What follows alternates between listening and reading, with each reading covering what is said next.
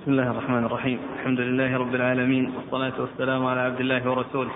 نبينا محمد وعلى آله وصحبه أجمعين. أما بعد قال الإمام الحافظ أبو عيسى الترمذي رحمه الله تعالى في جامعه باب ما جاء في التبكير إلى الجمعة.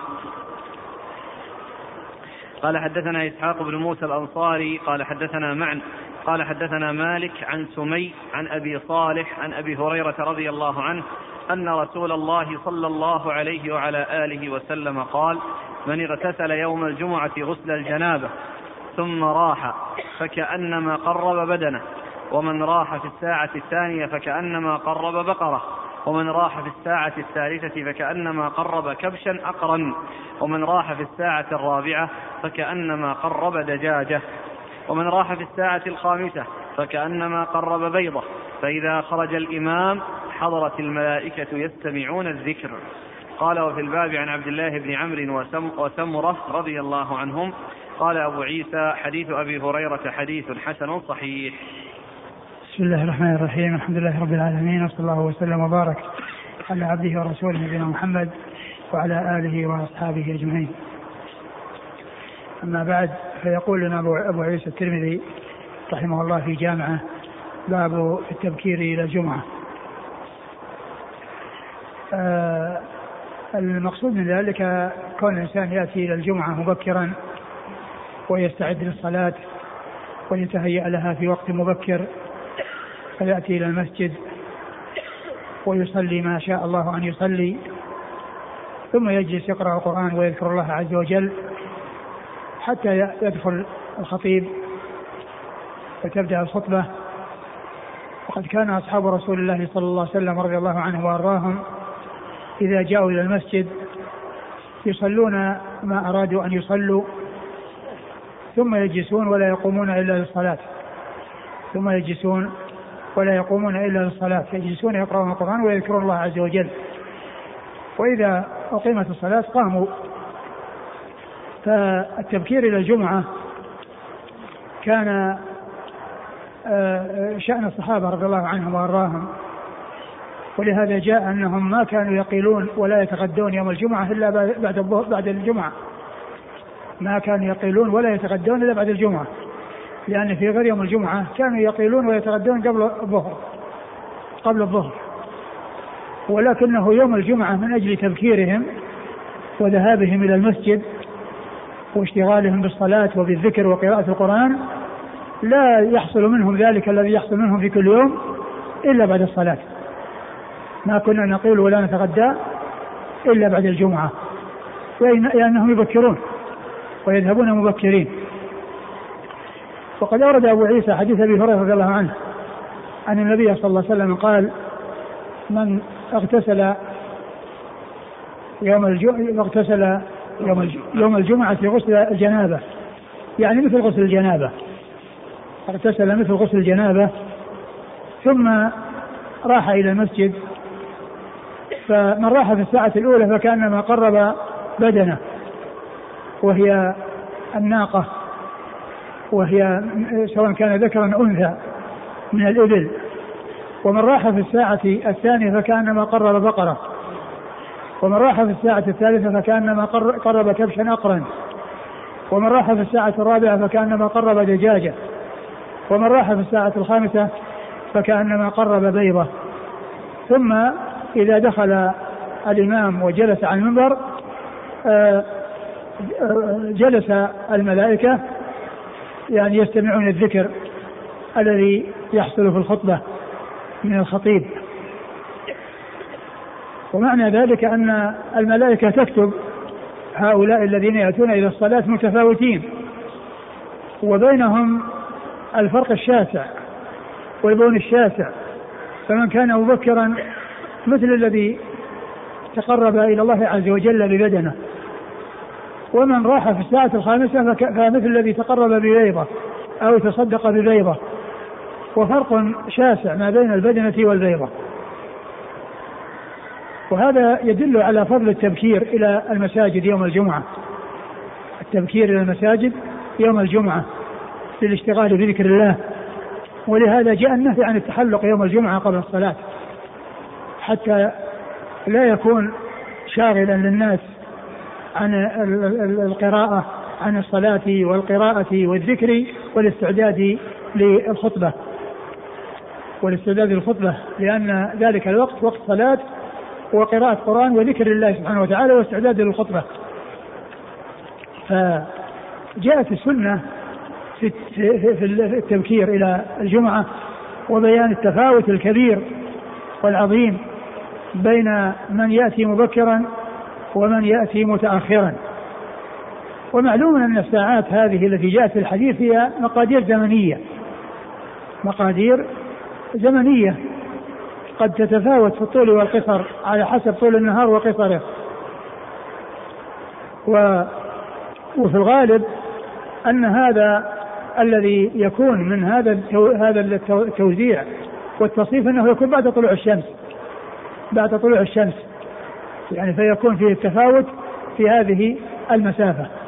ولهذا كما أشرت الصحابة رضي الله عنهم وأرضاهم ما كانوا يوم الجمعة يقيلون ولا يتغدون إلا بعد الصلاة إلا بعد صلاة الجمعة. بخلاف بقية الأيام فإنهم يقيلون ويتغدون قبل الصلاة. يقيلون ويتغدون قبل صلاة الظهر. نعم. أقرأ الحديث. عن أبي هريرة رضي الله عنه أن رسول الله صلى الله عليه وسلم قال من اغتسل يوم الجمعة غسل الجنابة ثم راح فكأنما قرب بدنه. يعني راح ذهب. راح هنا بمعنى ذهب.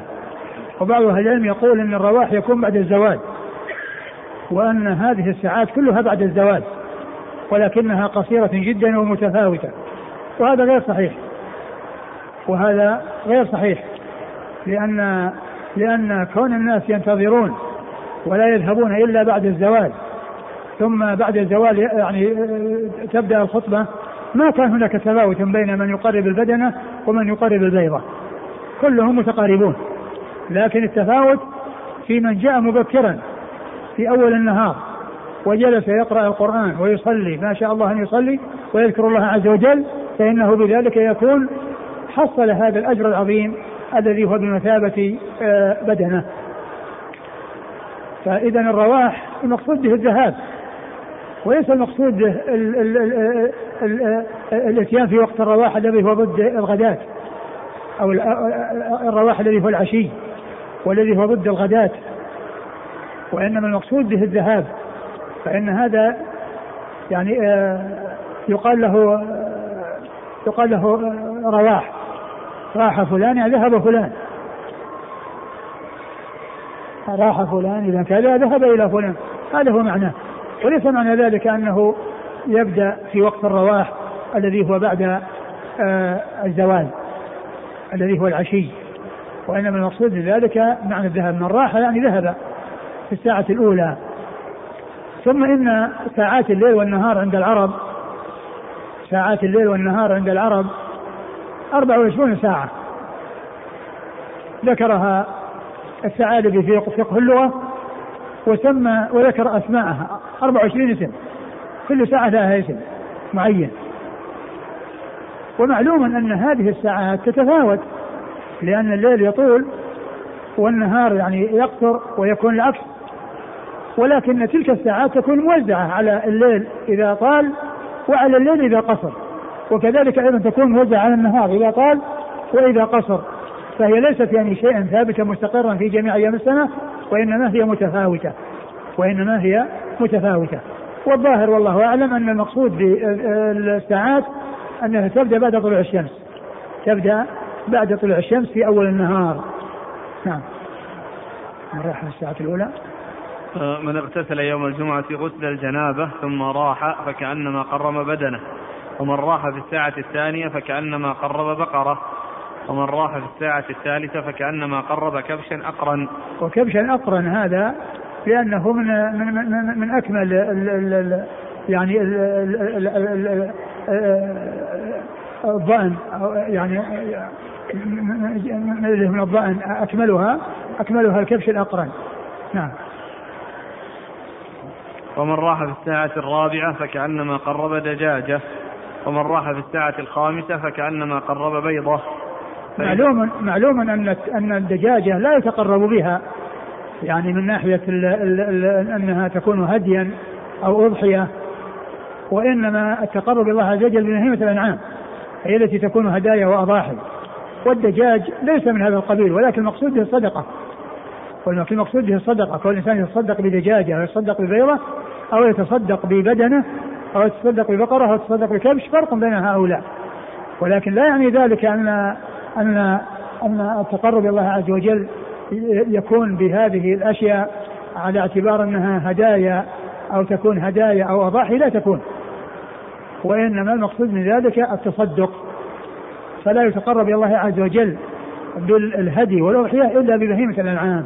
أما الدجاج وغير ذلك فإنه لا يتقرب به ولكن يتصدق به. كما يتصدق في الإبل والبقر والغنم ويتصدق في الدجاج والبيض. فإذا آه، آه، فكان ما قرب يعني ليس المقصود إنه يعني آه، مثل القربان الذي يكون في في الإبل والبقر والغنم وإنما المقصود به التصدق الصدقة. نعم. قال فإذا خرج الإمام حضرت الملائكة يستمعون الذكر. فإذا خرج الإمام وصعد عن المنبر صارت الملائكة تستمع الذكر. يعني انتهت مهمتها في الكتابة فيما يتعلق بالداخلين الذين يعني يأتون وبعد ذلك يستمعون الذكر. نعم. قال حدثنا إسحاق بن موسى الأنصاري. إسحاق بن موسى الأنصاري ثقة أخرجه مسلم وأبو داود والترمذي. مسلم والترمذي. مسلم والترمذي والنسائي. وابن ماجه. وابن ماجه. عن معن. عن معن بن عيسى ثقة أخرجه أصحاب كتب الستة. عن مالك عن مالك بن أنس إمام دار الهجرة المحدث الفقيه أحد أصحاب المذاهب الأربعة المشهورة من مذاهب السنة وحديثه أخرجه أصحاب الكتب الستة. عن سمي عن سمي مولى أبي بكر بن عبد الرحمن بن الحارث بن هشام وهو ثقة أخرجه أصحاب الكتب الستة. عن أبي صالح عن أبي صالح ذكوان السمان ثقة أخرجه أصحاب الكتب الستة عن أبي هريرة عبد الرحمن بن صخر الدوسي رضي الله عنه وهو أكثر الصحابة حديثا. قال رحمه الله في الباب عن عبد الله بن عمرو عبد الله بن عمرو بن العاص رضي الله تعالى عنهما أحد العباد له الأربعة من الصحابة وحديثه أخرجه أصحاب الكتب الستة. وسمرة وسمرة بن جندب رضي الله تعالى عنه وحديثه أخرجه أصحاب الكتب الستة. قال أبو عيسى حديث أبي هريرة حديث حسن صحيح. نعم. قال رحمه الله تعالى باب ما جاء في ترك الجمعة من غير عذر قال حدثنا علي بن خشرم قال أخبرنا عيسى بن يونس عن محمد بن عمرو عن عبيدة بن سفيان عن أبي الجعد يعني الضمري رضي الله عنه وكانت له صحبة فيما زعم محمد بن عمرو. قال قال رسول الله صلى الله عليه وآله وسلم من ترك الجمعة ثلاث مرات تهاونا تهاونا بها طبع الله على قلبه. قال وفي الباب عن ابن عمر وابن عباس وسمرة رضي الله عنهم قال أبو عيسى حديث أبي الجعد حديث حسن. وقال سألت محمدا عن اسم أبي الجعد الضمري فلم يعرف اسمه. وقال لا أعرف له عن النبي صلى الله عليه وسلم إلا هذا الحديث. قال أبو عيسى ونعرف هذا الحديث ولا. ولا نعرف. هذا اسمه مطموسة عندي أنا. نعم. اللام عندي مطموسة. ولا نعرف هذا الحديث إلا من حديث محمد بن عمرو. ثم ورد أبو عيسى هذه الترجمة وهي باب ما جاء في ترك الجمعة من غير عذر. في باب ما جاء في ترك الجمعة من غير عذر. يعني ما فيه من من التغليظ وما فيه من الإثم وأن ذلك يعني خطير وعظيم. وأما ما كان بعذر بمرض أو سفر كون الإنسان مسافرا فإنه معذور. وإنما الشأن والكلام في من تخلف من غير عذر. وقد أورد أبو عيسى حديث أبي الجعد الضمري رضي الله عنه أن النبي صلى الله عليه وسلم قال من ترك ثلاث جمع تهاونا طبع الله على قلبه. نعم. طبع الله على قلبه. يعني أنه يعاقب بهذه العقوبة بأن يعاقب بأن يطبع على قلبه. وإذا طبع على قلبه حصل له الضرر وحصل له الزيغ والانحراف. ولهذا فإن السيئة تعقب السيئة والزيغ ينتج عنه الإزارة كما قال الله عز وجل فلما زاغوا أزاغ الله قلوبهم فلما زاغوا أزاغ الله قلوبهم. ومعلوم أن ترك الجمعة هو من الزيغ وكونه يطبع على قلبه هذا من العقوبة. وهو نظير قول الله عز وجل فلما زاغوا أزاغ الله قلوبهم. ومن ثواب الحسنة على الحسنة أن يوفق لحسنة بعدها. ومن العقوبة على السيئة أن يبتلى بسيئة بعدها. وأن تكون السيئة تجر إلى سيئة وتجر إلى سيئات. ومعلوم أن المقصود بذلك هو الذي يعني يتركها ولكنه يصلي الظهر. يصلي الظهر. وإذا تركها ولم يصلي الظهر فهذا أشد وأشد وأعظم. لأن الحضور إلى الجمعة واجب ومتعين وفرض على كل من فرض عليه. وإذا تخلف عنه لعذر فهو معذور.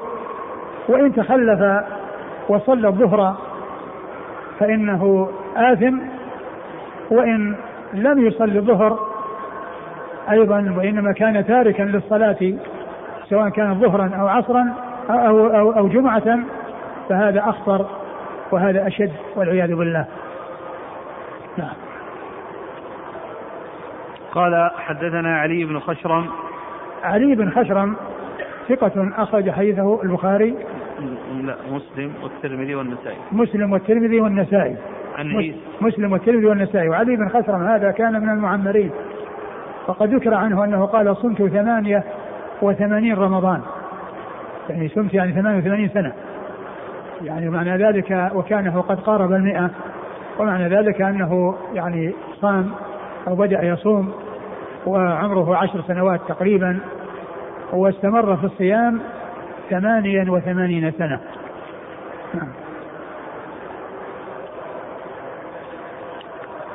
قال عن عيسى بن يونس عيسى بن يونس بن أبي إسحاق ثقة أخرجه أصحاب كتب الستة. عن محمد بن عمرو عن محمد بن عمرو بن علقمة بن وقاص الليثي وهو صدوق أخرجه أصحاب كتب الستة. عن عبيدة بن سفيان عن عبيدة بن سفيان وهو ثقة أخرجه مسلم وأصحاب السنن. ثقة أخرجه مسلم وأصحاب السنن. عن أبي الجعد يعني الضمري. عن أبي الجعد يعني الضمري وهو صحابي أخرج له أصحاب السنن. أخرج له أصحاب السنن. وقال وله صحبة فيما زعم محمد بن عمرو. وزعم هنا بمعنى أخبر لأن الزعم تأتي بمعنى الخبر المحقق كما أنها تأتي لغير ذلك ولكن المقصود هنا بالزعم الزعم اللي هو الخبر المحقق لأنه يأتي كثيرا في بعض الأحاديث وفي بعض الأسانيد. يعني آه، زعم فلان وفيما زعم فلان. آه، جاءت في أحاديث وجاءت في أسانيد. آه، والمقصود به الخبر المحقق. نعم.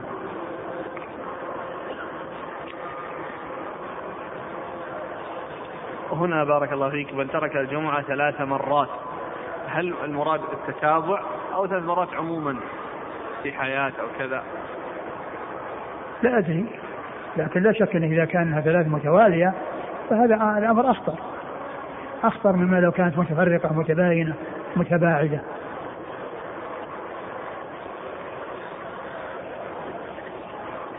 قال وفي الباب عن ابن عمر. وفي الباب عن ابن عمر عبد الله بن عمر بن الخطاب رضي الله عنهما أحد العباد له الاربعه من الصحابة واحد السبعة المعروفين بكثرة الحديث عن النبي عليه الصلاة والسلام. وابن عباس. وابن عباس كذلك وأحد العباد له وأحد الصحابة المكثرين. وسمرة وسمرة مر ذكره. قال أبو عيسى حديث أبي الجعد حديث حسن. نعم.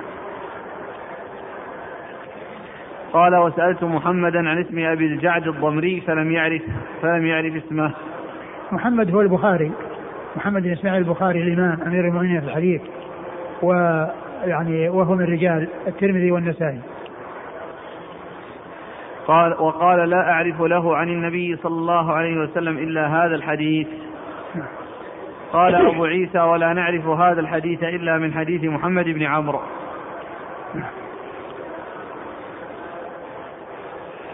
يقول الأخ حفظك الله كيف يصنع أناس يشتغلون عند الكفار في الغرب؟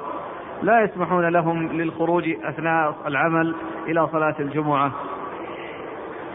يجب عليهم أن يعني آه، آه، يعملوا بأعمال يتمكنون فيها من الصلاة.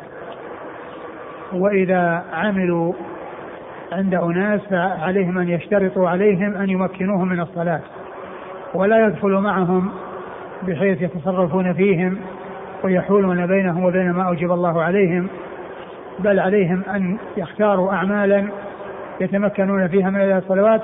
وإذا اشتغلوا عند غيرهم فيشترطون عليهم التمكين من الصلاة.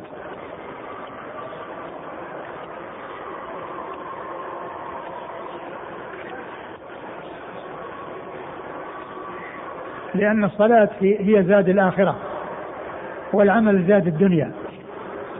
العمل وتحصيل المال في مقابل العمل هذا زاد الحياة الحياة الفانية.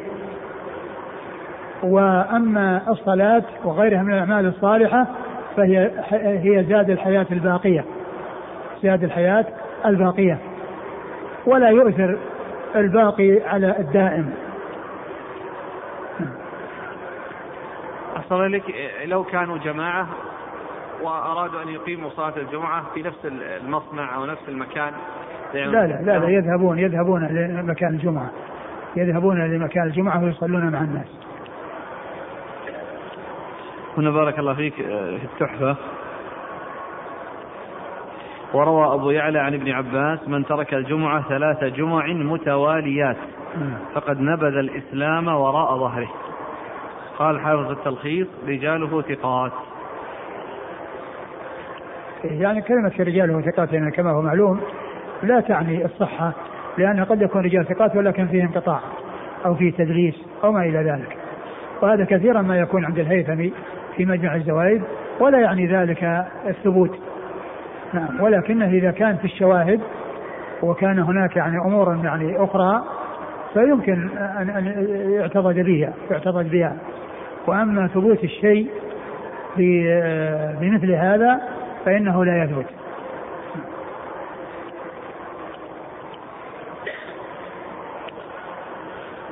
قال رحمه الله تعالى باب ما جاء من كم تؤتى الجمعة. قال حدثنا عبد بن حميد ومحمد بن مدوية.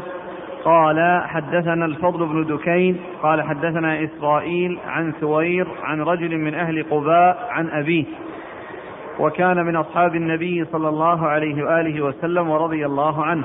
قال أمرنا النبي صلى الله عليه وسلم أن نشهد الجمعة من قباء. وقد روي عن أبي هريرة رضي الله عنه عن النبي صلى الله عليه وسلم في هذا ولا يصح. قال أبو عيسى هذا حديث لا نعرفه إلا من هذا الوجه ولا يصح في هذا الباب عن النبي صلى الله عليه وآله وسلم شيء. نعم. وقد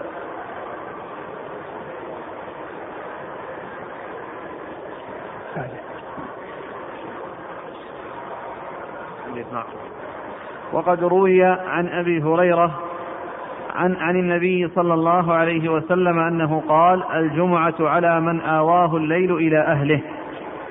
وهذا حديث إسناده ضعيف. إنما يروى من حديث معارك بن عباد عن عبد الله بن سعيد المقبوري وضعف يحيى بن سعيد القطان عبد الله بن سعيد المقبوري في الحديث.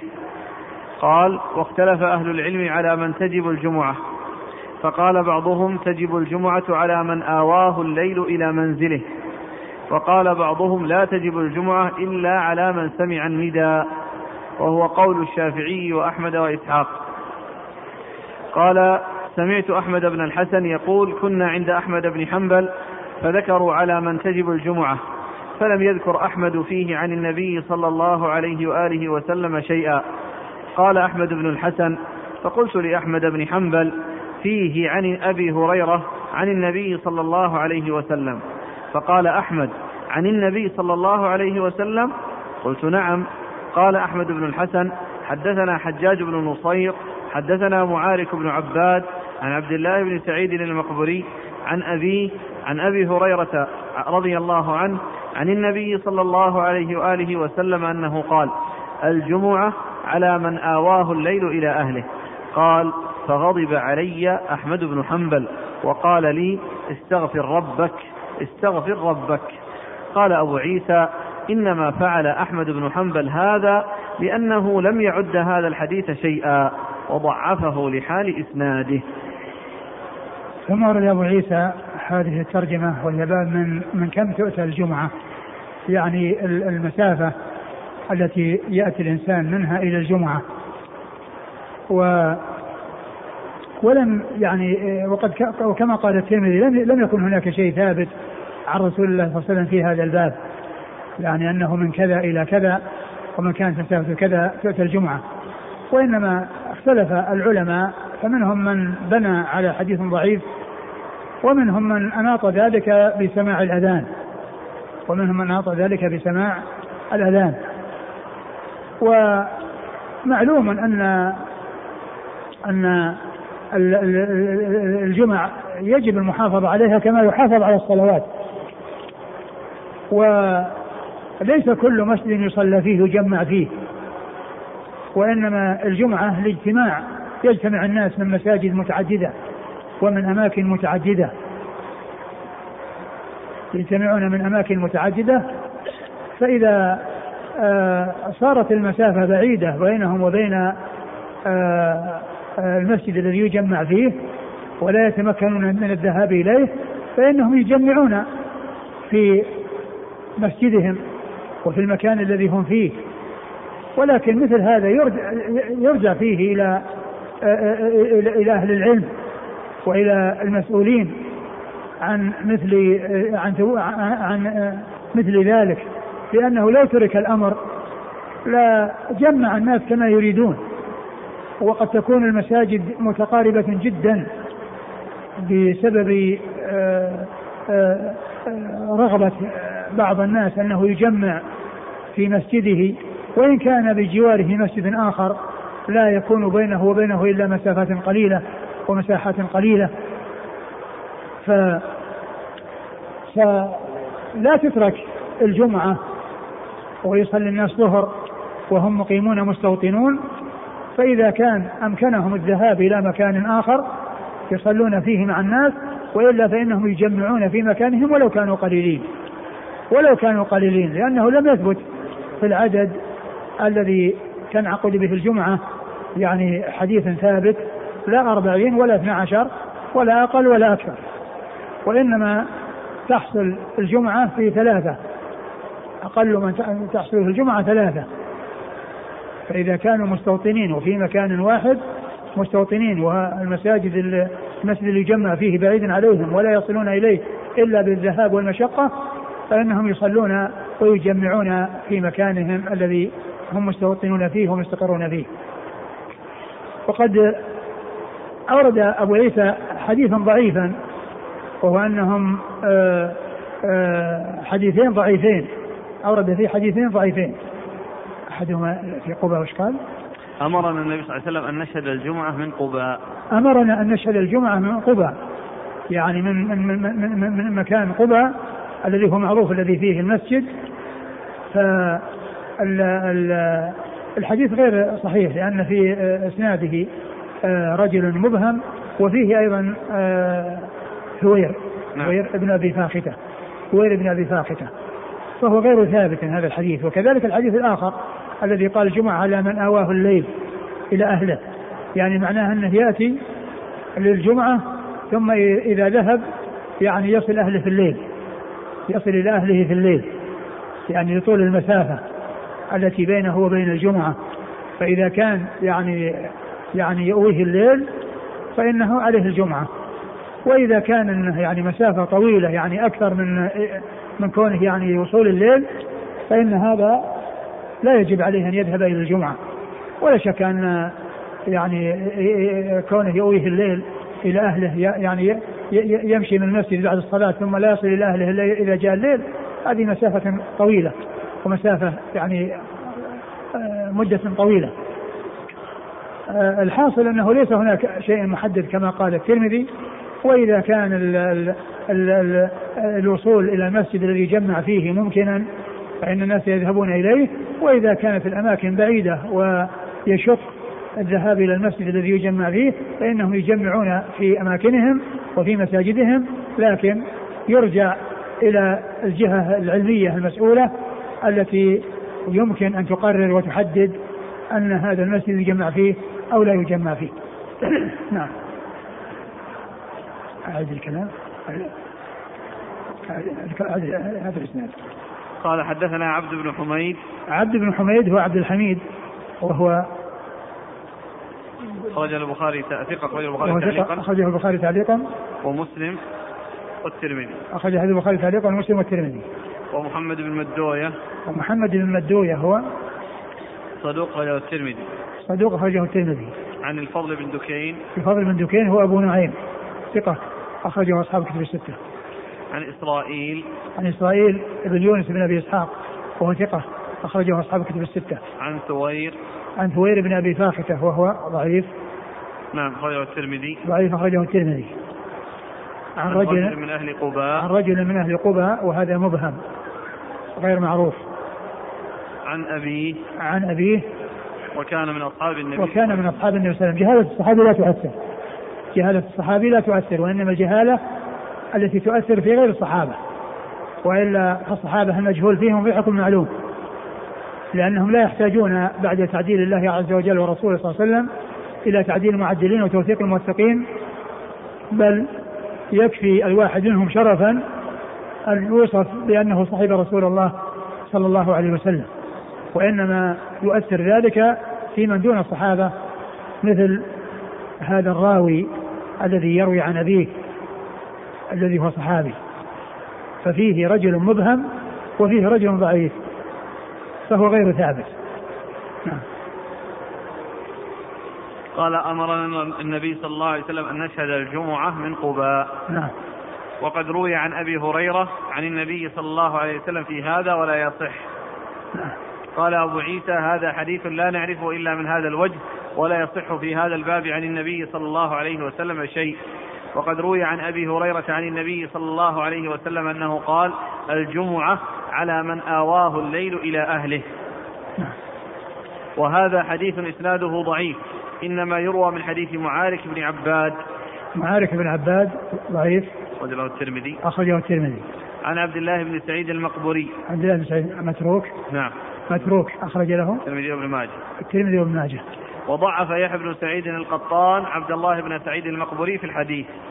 نعم يعني فيه رجلان أحدهما ضعيف والثاني متروك. نعم. واختلف أهل العلم على من تجب الجمعة فقال بعضهم تجب الجمعة على من آواه الليل إلى منزله وقال بعضهم لا تجب الجمعة إلا على من سمع النداء. وهو قول الشافعي وأحمد وإسحاق الشافعي محمد بن إدريس الشافعي الإمام محدث الفقيه أحد أصحاب المذاهب الأربعة المشهورة مذاهب السنة وحديث أخرجه البخاري تعليقا وأصحاب السنة وأحمد بن محمد بن حنبل الشيباني الإمام الفقيه أحد أصحاب المذاهب الأربعة المشهورة كذلك وحديثه أخرجه أصحاب الكتب الستة وإسحاق وابن إبراهيم بن راهوية الحنظلي المروزي ثقة أخرج له أصحاب الكتب الستة إلا ابن ماجه. قال سمعت أحمد بن الحسن أحمد بن الحسن الترمذي أخرج هذا البخاري والترمذي. يقول كنا عند أحمد بن حنبل فذكروا على من تجب الجمعة فلم يذكر أحمد فيه عن النبي صلى الله عليه وسلم شيئا. قال أحمد بن الحسن فقلت لأحمد بن حنبل فيه عن أبي هريرة عن النبي صلى الله عليه وسلم. فقال أحمد عن النبي صلى الله عليه وسلم؟ قلت نعم. قال يعني أحمد مستنكر. مستنكر أن يكون ثبت فيه عن النبي صلى الله عليه وسلم ولهذا قال عن النبي صلى الله عليه وسلم يعني مستفهما نعم. قلت نعم. قال أحمد بن الحسن حدثنا حجاج بن نصير. حجاج بن نصير هو ضعيف أخرجه الترمذي. ضعيف أخرجه الترمذي. قال حدثنا معارك بن عباد عن عبد الله بن سعيد المقبوري عن أبيه معارك بن عباد أيضا ضعيف وذاك متروك اللي هو عبد الله بن سعيد عن أبيه. نعم. عن أبيه سعيد المقبري وهو ثقة أخرجه أصحاب الكتب الستة. عن أبي هريرة رضي الله عنه عن النبي صلى الله عليه وسلم أنه قال الجمعة على من آواه الليل إلى أهله. قال فغضب علي أحمد بن حنبل وقال لي استغفر ربك استغفر ربك. يعني آه، كونه يعني يأتي بمثل هذا الحديث الذي هو غير ثابت لأن فيه متروك وفيه ضعيفان. قال أبو عيسى إنما فعل أحمد بن حنبل هذا لأنه لم يعد هذا الحديث شيئا وضعفه لحال إسناده. وهذا يدل على أن الحديث الضعيف لا يحتج به ولا يعول عليه لأنه أنكر عليه وقال استغفر ربك. يعني كونه يحتج بحديث ضعيف لا يعول عليه ولا يثبت به سنة فإن هذا غير سائغ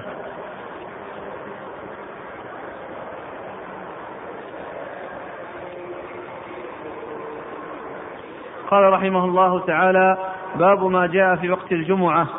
قال حدثنا أحمد بن منيع قال حدثنا سريج بن النعمان قال حدثنا فليح بن سليمان عن عثمان بن عبد الرحمن التيمي عن أنس بن مالك رضي الله عنه أن النبي صلى الله عليه وآله وسلم كان يصلي الجمعة حين تميل الشمس. ثم ورد أبو عيسى باب وقت الجمعة يعني وقت أدائها وصلاتها. و وأورد فيه حديث أنس أنس رضي الله عنه أن النبي صلى الله عليه وسلم كان يصلي الجمعة حين تميل الشمس يعني حين تزول يعني بعد الزوال. يعني مثل وقت الظهر. الظهر يبدأ بوقت الزوال والجمعة تبدأ بوقت الزوال.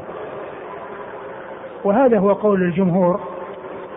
وبعض أهل العلم قال إنها تكون قبل الزوال. يجوز أن تكون قبل الزوال. وبعضهم قال إن الخطبة تكون قبل الزوال والصلاة تكون بعد الزوال. تكون الخطبة قبل الزوال والصلاة بعد الزوال. ولا شك أن القول الذي هو أحوط من غيره وأسلم هو كونها تؤدى بعد الزوال. كونها تؤدى بعد الزوال.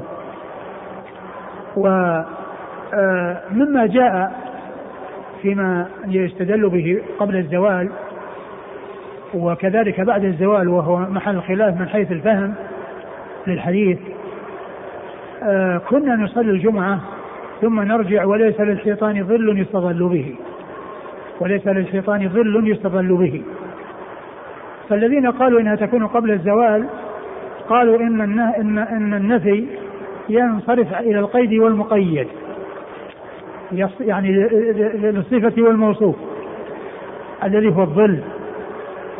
يعني إذا نفي الظل يعني معناه أن الصلاة كان قبل الزوال إذا رجعوا بعد الصلاة وليس الحيطان ظل ينظل موجد من أصله معناه أن الصلاة كانت قبل الزوال ومن العلماء من يقول أن النفي يرجع للقيد دون المقيد وهو يستظل به يستظل به.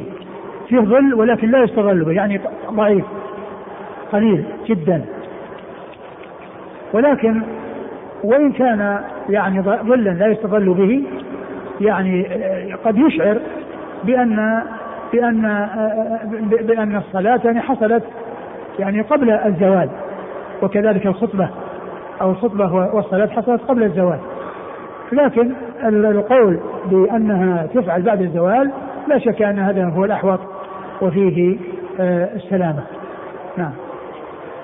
كان صلى الله عليه وسلم يصلي الجمعة حين تميل الشمس. حين تميل الشمس يعني إذا زالت الشمس. قال حدثنا أحمد بن منيع.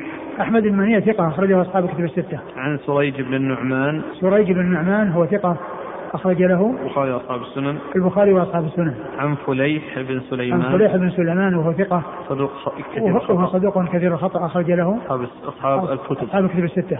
عن عثمان بن عبد الرحمن التيمي. عن عثمان بن عبد الرحمن التيمي وهو ثقة أخرج البخاري وأبو داود والترمذي. ثقة أخرج البخاري وأبو داود والترمذي. عن أنس.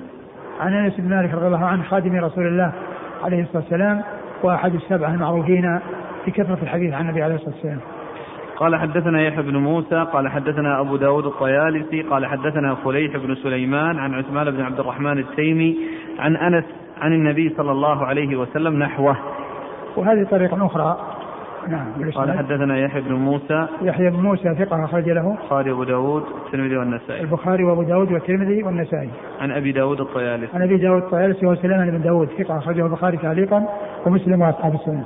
عن فليح عن عثمان عن والبقية هو نفس الإسناد الأول. قال في الباب عن سلمة بن الأكوع. سلمة بن الأكوع رضي الله عنه أخرج حديثه أصحاب الكتب الستة. وجابر. وجابر بن عبد الله الأنصاري رضي الله عنهما أحد السبع المعروفين بكثرة الحديث عن النبي عليه الصلاة والسلام. والزبير بن العوام. والزبير بن العوام أحد العشرة المبشرين بالجنة رضي الله عنه أخرج حديثه أصحاب الكتب الستة. قال أبو عيسى حديث أنس حديث حسن صحيح. وهو الذي أجمع عليه أكثر أهل العلم أن وقت الجمعة إذا زالت الشمس كوقت الظهر. نعم يعني هذا هو الذي عليه أكثر أهل العلم. أكثر أهل العلم وجمهور أهل العلم على أن وقت الجمعة وقت الظهر إذا زالت الشمس. وهو قول الشافعي وأحمد وإسحاق. نعم مر ذكرها ورأى بعضهم أن صلاة الجمعة إذا صليت قبل الزوال أنها تجوز أيضا. نعم. وقال أحمد ومن صلاها قبل الزوال فإنه لم ير عليه إعادة. يعني أجازه. نعم.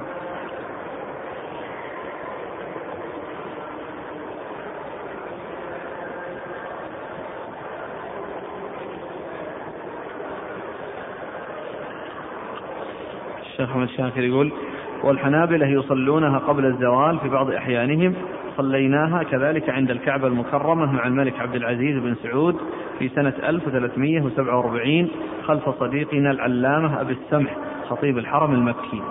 عبد الظاهر عبد الظاهر أبو السمح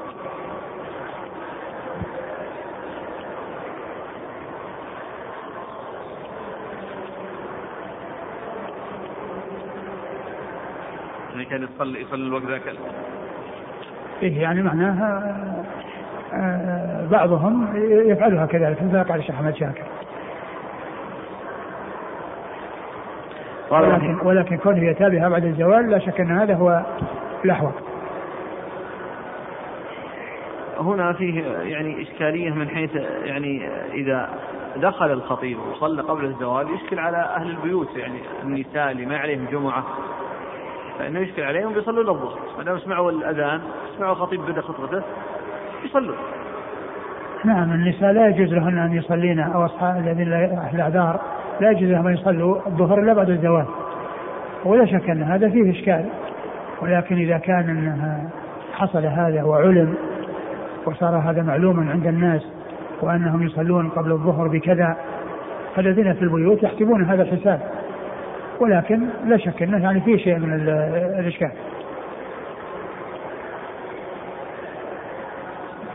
قال رحمه الله تعالى باب ما جاء في الخطبة على المنبر. قال حدثنا أبو حفص عمرو بن علي الفلاس الصيرفي. قال حدثنا عثمان بن عمر ويحيى بن كثير أبو غسان العبدي. قال حدثنا معاذ بن العلا عن نافع عن ابن عمر رضي الله عنهما أن النبي صلى الله عليه وسلم كان يخطب إلى جذع. فلما اتخذ النبي صلى الله عليه وسلم المنبر حن الجذع حتى أتاه فالتزمه فسكن. قال وفي الباب عن أنس وجابر وسهل بن سعد وأبي بن كعب وابن عباس وأم سلمة رضي الله عنهم أجمعين. قال أبو عيسى حديث ابن عمر حديث, حديث ابن عمر حسن غريب صحيح. ومعاذ بن العلاء هو بصري وهو أخو أبي عمرو بن العلاء. ثم ورد أبو عيسى هذه طيب باب الخطبة على المنبر. أي أن الخطبة تكون على مكان عالي عال بحيث يعني يشرف على الناس ويراه الناس من بعد ويكون ذلك أبلغ في وصول صوته إلى الحاضرين وإلى المستمعين. فاتخاذ المنبر سنة سنها رسول الله عليه الصلاة والسلام. وكان يصلي أو كان يخطب إلى جذع يعني جذع نخلة. فلما صنع له المنبر وتحول عن الجذع إلى المنبر حن الجذع وظهر منه الصوت حنينا على آه، ذهاب رسول الله صلى الله عليه وسلم عنه. وهذا يدل على أن المخلوقات يعني الله سبحانه وتعالى أعطاها وجعل فيها من من من من, من, تسبيح الله عز وجل ويعني آه، تسبيحه سبحانه وتعالى كما جاء في القرآن وإن من شيء لا يسبح بحمده. فهذا الجذع حن لما انتقل عنه رسول الله عليه الصلاة والسلام إلى المنبر الذي صنع له. وهذا من علامات نبوته ودلائل نبوته عليه الصلاة والسلام. كون الجن يحن آه، آه، لذهابه عنه.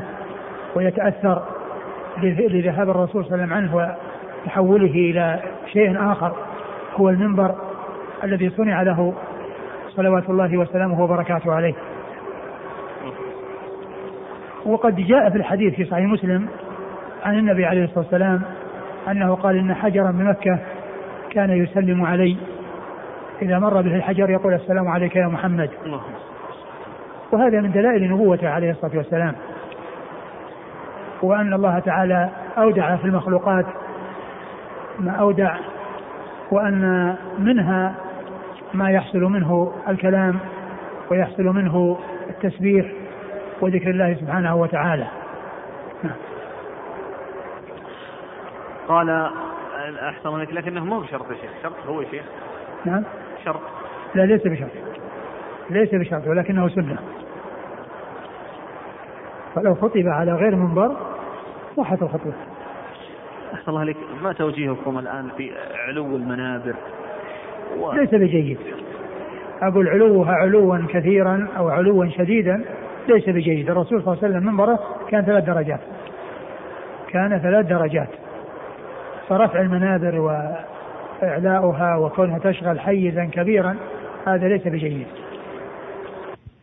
قال حدثنا أبو حفص عمرو بن علي الفلاس الصيرفي. أبو حفص عمرو بن علي الفلاس هو ثقة. وهو من رجال كتب الستة وهو شيخ لأصحاب كتب الستة. عن عثمان بن عمر. عثمان بن عمر ثقة أخرجه أصحاب كتب الستة.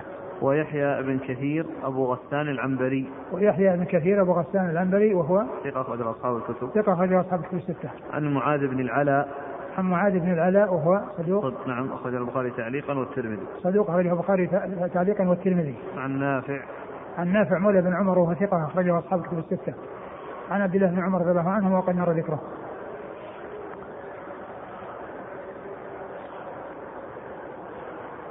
قال وفي الباب عن أنس وجابر وسهل بن سعد. أنس وجابر مر ذكرهم وسهل بن سعد هو الساعدي وهو ثقة وهو صحابي أخرجه أصحاب في الستة. وأبي بن كعب أبي بن كعب أخرجه أصحاب في الستة وابن عباس وأم سلمة وابن عباس مر ذكره وأم سلمة هي هند بنت أبي أمية أخرج حديثها أصحاب الكتب الستة. قال أبو عيسى حديث ابن عمر حسن غريب صحيح نعم. ومعاذ بن العلاء هو بصري وهو أخو أبي عمرو بن العلاء نعم.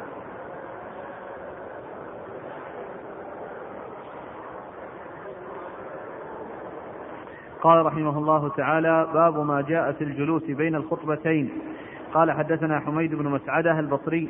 قال حدثنا خالد بن الحارث. قال حدثنا عبيد الله بن عمر عن نافع عن ابن عمر رضي الله عنهما أن النبي صلى الله عليه وعلى آله وسلم كان يخطب يوم الجمعة ثم يجلس ثم يقوم فيخطب.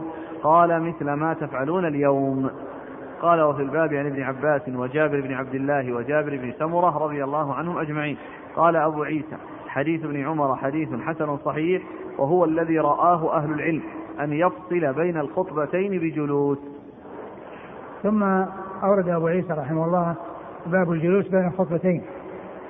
الجمعة لها خطبتان تسبقها ويسن الجلوس بينهما. وقد جاءت بذلك السنة عن رسول الله عليه الصلاة والسلام فإنه كان كما جاء عن ابن عمر في هذا الحديث كان يخطب ثم يجلس ثم يقوم ويخطب. يعني فيأتي بخطبتين يفصل بينهما بجلوس. يأتي بخطبتين يفصل بينهما بجلوس ومن شرط الجمعة أن يتقدمها خطبتان ومن شرط الجمعة أن يتقدم لها أو يتقدم عليها خطبتان. فإذا الجلوس بين السجدتين سنة ثابتة عن رسول الله صلوات الله وسلامه وبركاته عليه وليس لها ذكر مخصوص أو دعاء مخصوص. وللإنسان يدعو فيها وأن يذكر الله عز وجل فيها ولكن ليس هناك شيء محدد. نعم أما بخطبة واحدة ما تصح نعم. لو خطب خطبة واحدة. ما ما تجزي. لازم خطبتين. لا بد من خطبتين. لا لا تصح الجمعة إلا إذا سبقها خطبتان. قال حدثنا حميد بن مسعدة.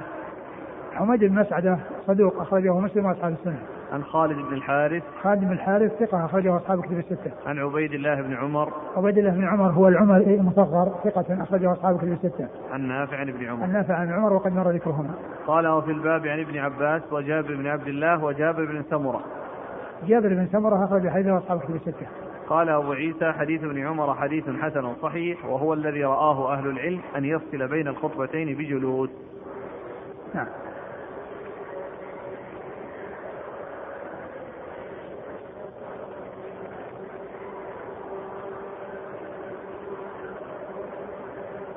قال رحمه الله تعالى باب ما جاء في قصد الخطبة. قال حدثنا قتيبة وهناد. قال حدثنا أبو الأحوص عن سماك بن حرب عن جابر بن سمرة رضي الله عنه قال كنت أصلي مع النبي صلى الله عليه وسلم فكانت صلاته قصدا وخطبته قصدا. قال قال حدثنا قتيبة وهناد. قال حدثنا أبو الأحوص عن سماك بن حرب عن جابر, عن جابر بن سمرة. قال كنت أصلي مع النبي صلى الله عليه وسلم فكانت صلاته قصدا وخطبته قصدا. قال وفي الباب عن عمار بن ياسر وابن أبي أوفى رضي الله عنهما. قال أبو عيسى حديث جابر بن سمرة حديث حسن صحيح. ثم أبو عيسى هذا يترجم باب القصد في الخطبة يعني هو التوسط فيها. القصد هو التوسط بين الطرفين المتقابلين. التطويل والقصر القصر الشديد. وإلا فإن ذكر القصر جاء في الحديث عن رسول الله صلى الله عليه وسلم ان طول صلاة الرجل إن طول صلاة الرجل وقصر خطبته مئنة من فقهه مئنة من فقهه والمقصود هو الاعتدال والتوسط لا إفراط ولا تفريط. ما تكون خطبة قصيرة جدا جدا ولا تكون طويلة جدا بحيث يحصل الملل ويحصل التطويل على الناس والمشقة على الناس بل تكون معتدلة متوسطه والاعتدال والتوسط في الأمور هذا أمر مقصود وقد جاء في نصوص كثيرة. والذين إذا أنفقوا لم يسرفوا ولم يقصروا وكان بين ذلك قواما ولا تجر بصلاتك ولا تخافت فيها وابتغي بين ذلك سبيلا. ويقول الخطابي ولا تغلو في شيء من الأمر واقتصد. كلا طرفي قصد الأمور ذميم كلا طرفي قصد الأمور ذميم أي الطرفان اللذان يكتنفان الوسط أو يكتنفهما الوسط يكون بينهما. ولا تغلو في شيء من الأمر واقتصد. كلا طرفي قصد الأمور ذميم طرف الإفراط والتفريط طرف الإفراط والتفريط كلهما مذمومان والتوسط هو المقصود وهو المطلوب. وقد أورد أبو عيسى حديث جابر بن سمرة رضي الله تعالى عنه. أن النبي أن أنه صلى مع النبي صلى الله عليه وسلم وكانت خطبته قصدا وصلاته قصدا أي إنها متوسطة ليس فيها طول يعني شديد وليس فيها قصر شديد وإنما هي معتدلة متوسطة. وكما مر أن صلاة النبي صلى الله عليه وسلم كان كان كان يخفها ومع تخفيفها كانت تامة. كان تكون خفيفة ومع تخفيفها فإنه يأتي بها تامة. عليه الصلاة والسلام. نعم.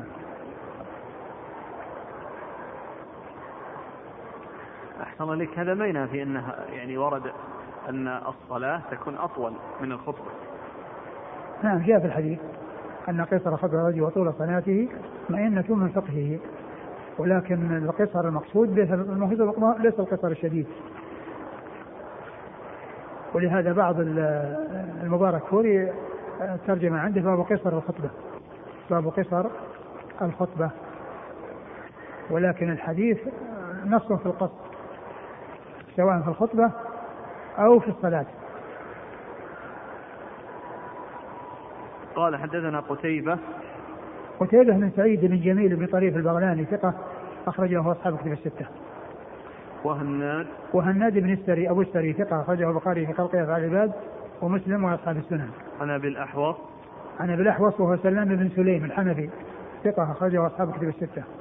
عن سماك بن حرب. عن سماك بن حرب وهو صدوق أخرجه البخاري تعليقا ومسلم وأصحاب السنن. عن جابر بن سمرة. عن جابر بن سمرة رضي الله تعالى عنه وحديثه أخرجه أصحاب كتب الستة. قتيبة وهناد عن ابي الاحوص عن سماك عن جابر. هذا رباعي أن قتيبة وهناد في طبقة واحدة. فهو من أعلى الأسانيد عند الترمذي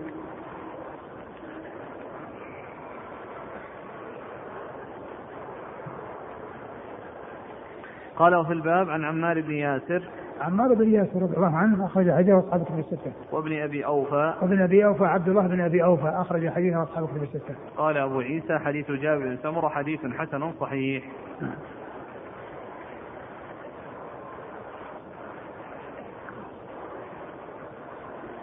قال رحمه الله تعالى باب ما جاء في القراءة على المنبر. قال حدثنا قتيبة قال حدثنا سفيان بن عيينة عن عمرو بن دينار عن عطاء عن صفوان بن يعلى بن أمية عن أبيه رضي الله عنه أنه قال سمعت النبي صلى الله عليه وسلم يقرأ على المنبر ونادوا يا مالك قال وفي الباب عن أبي هريرة وجابر بن سمرة قال أبو عيسى حديث يعلى بن أمية حديث حسن صحيح غريب وهو حديث ابن عيينة وقد اختار قوم من أهل العلم أن يقرأ الإمام في الخطبة آيا من القرآن. قال الشافعي وإذا خطب الإمام فلم يقرأ في خطبته شيئا من القرآن أعاد الخطبة. ثم رد أبو عيسى باب القراءة في الخطبة. يعني قراءة شيء من القرآن في الخطبة. آه فإنه يشرع للإنسان أن يأتي بشيء من القرآن في خطبته. بل جاء عن النبي صلى الله عليه وسلم أنه كان يخطب بقاف على المنبر. و فالاتيان بشيء من القرآن في الخطبة مطلوب. ولكن كونه لو خلت من قراءة قرآن يعني كونها تبطل ولا تصح هذا فيه نظر. لأن ما في شيء يعني واضح يدل على اشتراط ذلك في الخطبة. يدل على اشتراط ذلك في الخطبة. ولكن لا شك أن الإتيان به وكل إنسان يقرأ على شيء من القرآن أو يأتي بآيات من القرآن في خطبته لا شك أن هذا مطلوب ومستحب ولكن كونه شرطا في الخطبة وأنه لو لم يفعل فإن الخطبة لا تصح هذا فيه نظر. عن يعلى بن أمية يعلى بن أمية رضي الله عنه قال سمعت النبي صلى الله عليه وسلم يخطب يقرأ ونادوا يا مالك. يعني في آخر سورة في آخر سورة الزخرف. يعني يقرأ هذه الآية يعني ومعها آيات. لا يعني ذلك أنها آية وحدها لأنها كما هو معلوم يعني قد يذكر الراوي الآية وهو يقصد يعني معها آيات. يقصد معها آيات. كما كما سبق أن مر بنا في بعض الأحاديث أنه يعني يذكر الآية والمقصود السورة أو المقصود آيات مع تلك الآية التي نص عليها وذكرت. نعم. هل له أن يرتل يرتل الآيات. الذي يبدو أنه لا يرتل.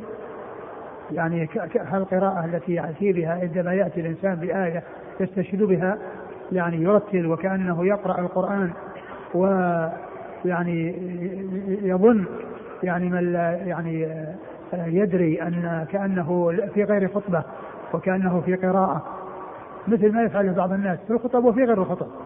تجد عندما يأتي آية من الآيات يستدل بها يغير صوته ويقرأ يرتل كأنه يقرأ القرآن. المعروف أن مثل ذلك يؤتى به كما يؤتى بالكلام الذي قبله وبعده لأن مقام الاستدلال غير مقام القراءة. مقام الاستدلال غير مقام القراءة.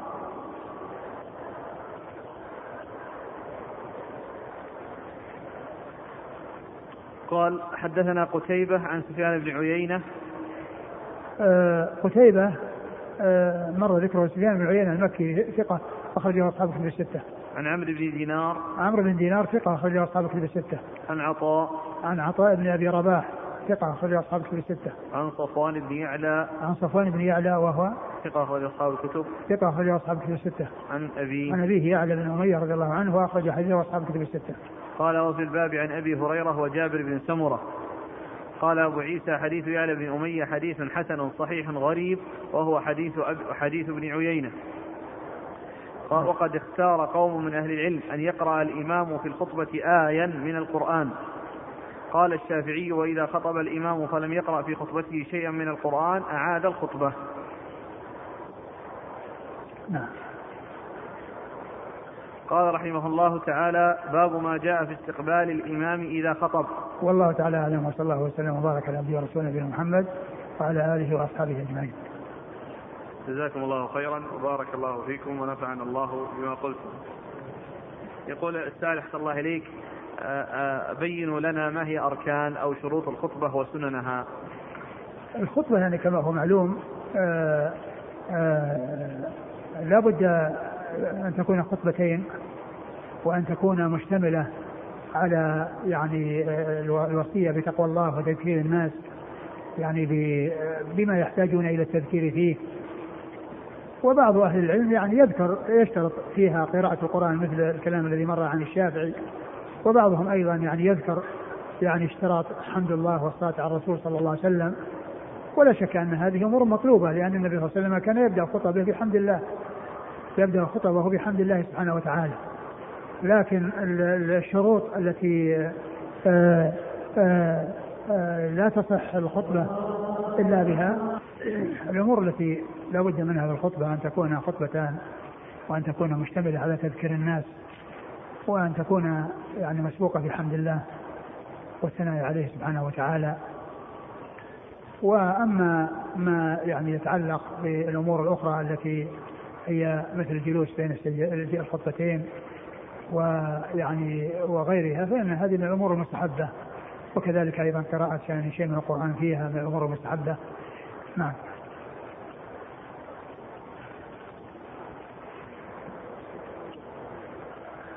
يقول فضيلة الشيخ إن بعض الخطباء في بلادنا وخاصة الشباب يخطبون بسورة قاف حيث يقسمونها إلى قسمين في خطبتين. فما توجيهكم؟ الذي يناسب أنه يذكر أيضا معها شيء يعني ما تكون وحدها يمكن تكون في الخطبة الأولى والخطبة الثانية تشتمل على يعني أمور أخرى وعلى دعاء وعلى ذكر الله سبحانه وتعالى. وقراءة قاف يعني جاءت يعني في الخطبة ولا شك أنها مشتملة على عبر وعظات وعلى فوائد عظيمة.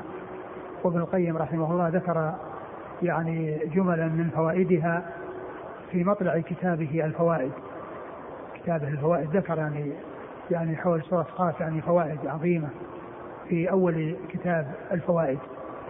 لا شك أنها مشتملة على عبر وعظات وعلى أمور عظيمة الناس بحاجة إليها عند التأمل والتدبر فيها العبر وفيها العظات ولكن كونه يعني يكون مع يعني تكون في الخطبة الأولى ولكن يكون في الخطبة الثانية يعني شيء من التذكير ومن التنبيه على أمور أخرى ومن الذكر والدعاء فهذا هو الذي ينبغي. ولكن ما يكون دائما وأبدا تفعل في بعض الأحيان أنها تقرأ قاف. ليست دائما. يقول هل ورد عن الصحابة أنهم كانوا يأتون إلى الجمعة بالفوانيس؟ في؟ الفوانيس. يعني يأتون بالليل؟ على على أذان الفجر يعني. بالفانوس يجيبون يشوفون الطريق. ما ما أعرف. ما أعرف. معلوم أن أن صلاة الفجر الناس يأتون إليها يعني في جميع الأيام. يأتون إلى صلاة الفجر في جميع الأيام. وهنا الذي يخصصها بالفوانيس. يعني كون الناس يأتون إليها يوم الجمعة يعني قبل الفجر. الفجر الناس يأتون يصلون في جميع الأيام. في جميع أيام الأسبوع. يوم الجمعة غير يوم الجمعة. إيش إيش الجديد؟ يعني آه، في استعمال الفوانيس. يقول أحسن الله إليك عندنا في البلد مساجد أهل السنة قليلة وبعض الإخوة لا يستطيع أن يحضر الجمعة إما بسبب العمل أو بسبب البعد عن هذه المساجد. فهل في هذا الحال يعذر؟ ليس للإنسان أن يتعلل بالعمل عن الجمعة فالعمل كما قلت قبل قليل هو زاد الحياة الفانية والجمعة وأداء الصلوات هو زاد الحياة الباقية. والإنسان لا يؤثر الفانية على الباقية بل يحرص على سعادته في الدار الآخرة وعلى أن يعمل حتى يحصل شيء يسد به حاجته في هذه الحياة الدنيا لكن لا تطغى الدنيا على الآخرة. ولا يتأخر الإنسان عما أوجب الله عليه من أجل أن يحصل شيئا من الدنيا بل عليه أن يترك العمل في وقت الصلاة ويذهب للصلاة ولا وكذلك أيضا إيش الثاني؟ إيش الثاني؟ المساجد بعيدة والمساجد البعيدة إذا كان كما أسلفت فيما مضى إذا كان البعد شديدا فإن على أهل ذلك المكان الذي المسجد بعيد منه ويشق عليهم الذهاب إليه أن يؤدوا أو يصلوا جمعة أو يعني في مسجدهم الذين يصلون فيه الصلوات الأخرى في غير يوم الجمعة. يجمعون ولو كان العدد قليلا. أما إذا كان المسافة قريبة فإن هذا فإنه لا تترك الصلاة في المكان الذي هو قريب ويجمع في مكان آخر. يقول السائل هل تجوز الخطبة بغير اللغة العربية تكون بالعربية وغير العربية إذا كان فيها عاجم. لأنها لو كانت بالعربية فقط والذين يسمعون في يسمعونها عاجم وأكثرهم عاجم فإن وجود الخطبة بالنسبة لهم مثل عدمها. لا يفهمون شيئا ولا يعرفون شيئا من الخطبة. كما أن العربي لو خطب عنده بلغة أعجمية لا يعرف ماذا يقال. والمقصود من الخطبة الفائدة. فيؤتى بشيء منها في العربية ويؤتى بلغة القوم الذين يخطب بهم.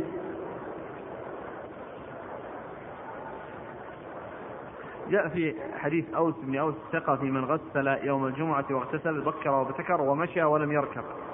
هكذا في رواية أبي داود. فهل هذا الفضل مترتب على من جاء الجمعة ماشيا دون الراكب؟ وكيف يفعل من بيته يبعد عن الحرم عدة كيلومترات؟ على كل هو على خير. الإنسان إذا جاء إلى الجمعة من مكان بعيد وعلى على دابة أو على سيارة فإنه لا شك أنه على خير. هذا ينقل عن مجموع الفتاوى لشيخ الإسلام تيمية في الجزء الثاني والعشرين صفحة 41 إلى 45 قال ذكر الشيخ الإسلام رحمه الله أمثلة عديدة فيها ترك أداء الواجب. ومع ذلك لم يأمر النبي صلى الله عليه وسلم أصحابه بالقضاء. من ذلك ما حصل لأبي ذر رضي الله عنه وأنه حصلت له مدة وهو جنب لم يصلي ولم يأمره صلى الله عليه وسلم بالقضاء بل أمره بالتيمم في المستقبل. فعلى هذا يا شيخ. كيف مثال أن يقول من ذلك أبو ذر رضي الله عنه بقي مدة جنبا لم يصلي ولم يأمره صلى الله عليه وسلم بالقضاء. بل أمره بالتيمم في المستقبل. والحديث عند أبي داود برقم 332 فعلى هذا يا شيخ هل يقضي من كان يصلي باغتساله للجمعة دون وضوء؟ إذا كان مدة طويلة فلا يقضي. وأما إذا كان شيء محدود وشيء معلوم ويمكن أن يأتي به فإنه يقضيه مثلا خمسة أيام أربعة أيام أربع مرات ثلاث مرات. أما إذا كان لعشر سنين وعشرين سنة وهو على هذه الطريقة فلا يقضي لأنه يصير مثل مثل المسيء صلاته الذي كان على هيئة غير صحيحة ومع ذلك الرسول أمره بأن يأتي بالصلاة على الوجه الصحيح في المستقبل. وكذلك فيما جاء عن حذيفة في البخاري أنه رأى رجل لا يتم ركوعه ولا سجوده قال من كم صلي؟ قال من أربعين سنة. قال من أربعين سنة لو مت لمت على غير ملة محمد صلى الله عليه وسلم. ومعلوم أن مثل هذا لا يقضى. فإذا كانت أشياء محدودة ومعدودة وأشياء قليلة فيمكن قضاؤها وأما الأشياء الكثيرة فلا فلا تقضى كما جاء في حديث أبي هريرة في قصة المسيح صلاته وكما جاء في قصة حذيفة أو حديث الذي أثر حذيفة في صحيح البخاري. صلى الله عليك ما دامنا نتكلم عن مسألة الجمعة. ودنا تعيد لنا كلامكم بالأمس جزاك الله خير. أه وجه الفرق بين اغتسال الجمعة واغتسال الجنابة لأن حصل نعم. شيء من الاغتسال للجمعة اغتسال ليس فيه رفع حدث. والوضوء فيه رفع حدث. فلا بد منه لرفع الحدث اللي هو الوضوء. والاغتسال لا يرفع فيه حدث للجمعة.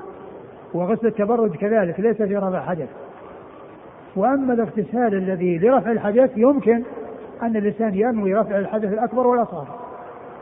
كالاغتسال للجنابة فإنه إذا اغتسل ولم يتوضأ وضوءه للصلاة ولكنه نوى بذلك رفع الحدث الأكبر والأصغر ولم يمس ذكره يعني في في أثناء اغتساله أو في آخر اغتساله لأن نقض الذكر ينقض الوضوء كما هو معلوم فإن الحدث يرتفع.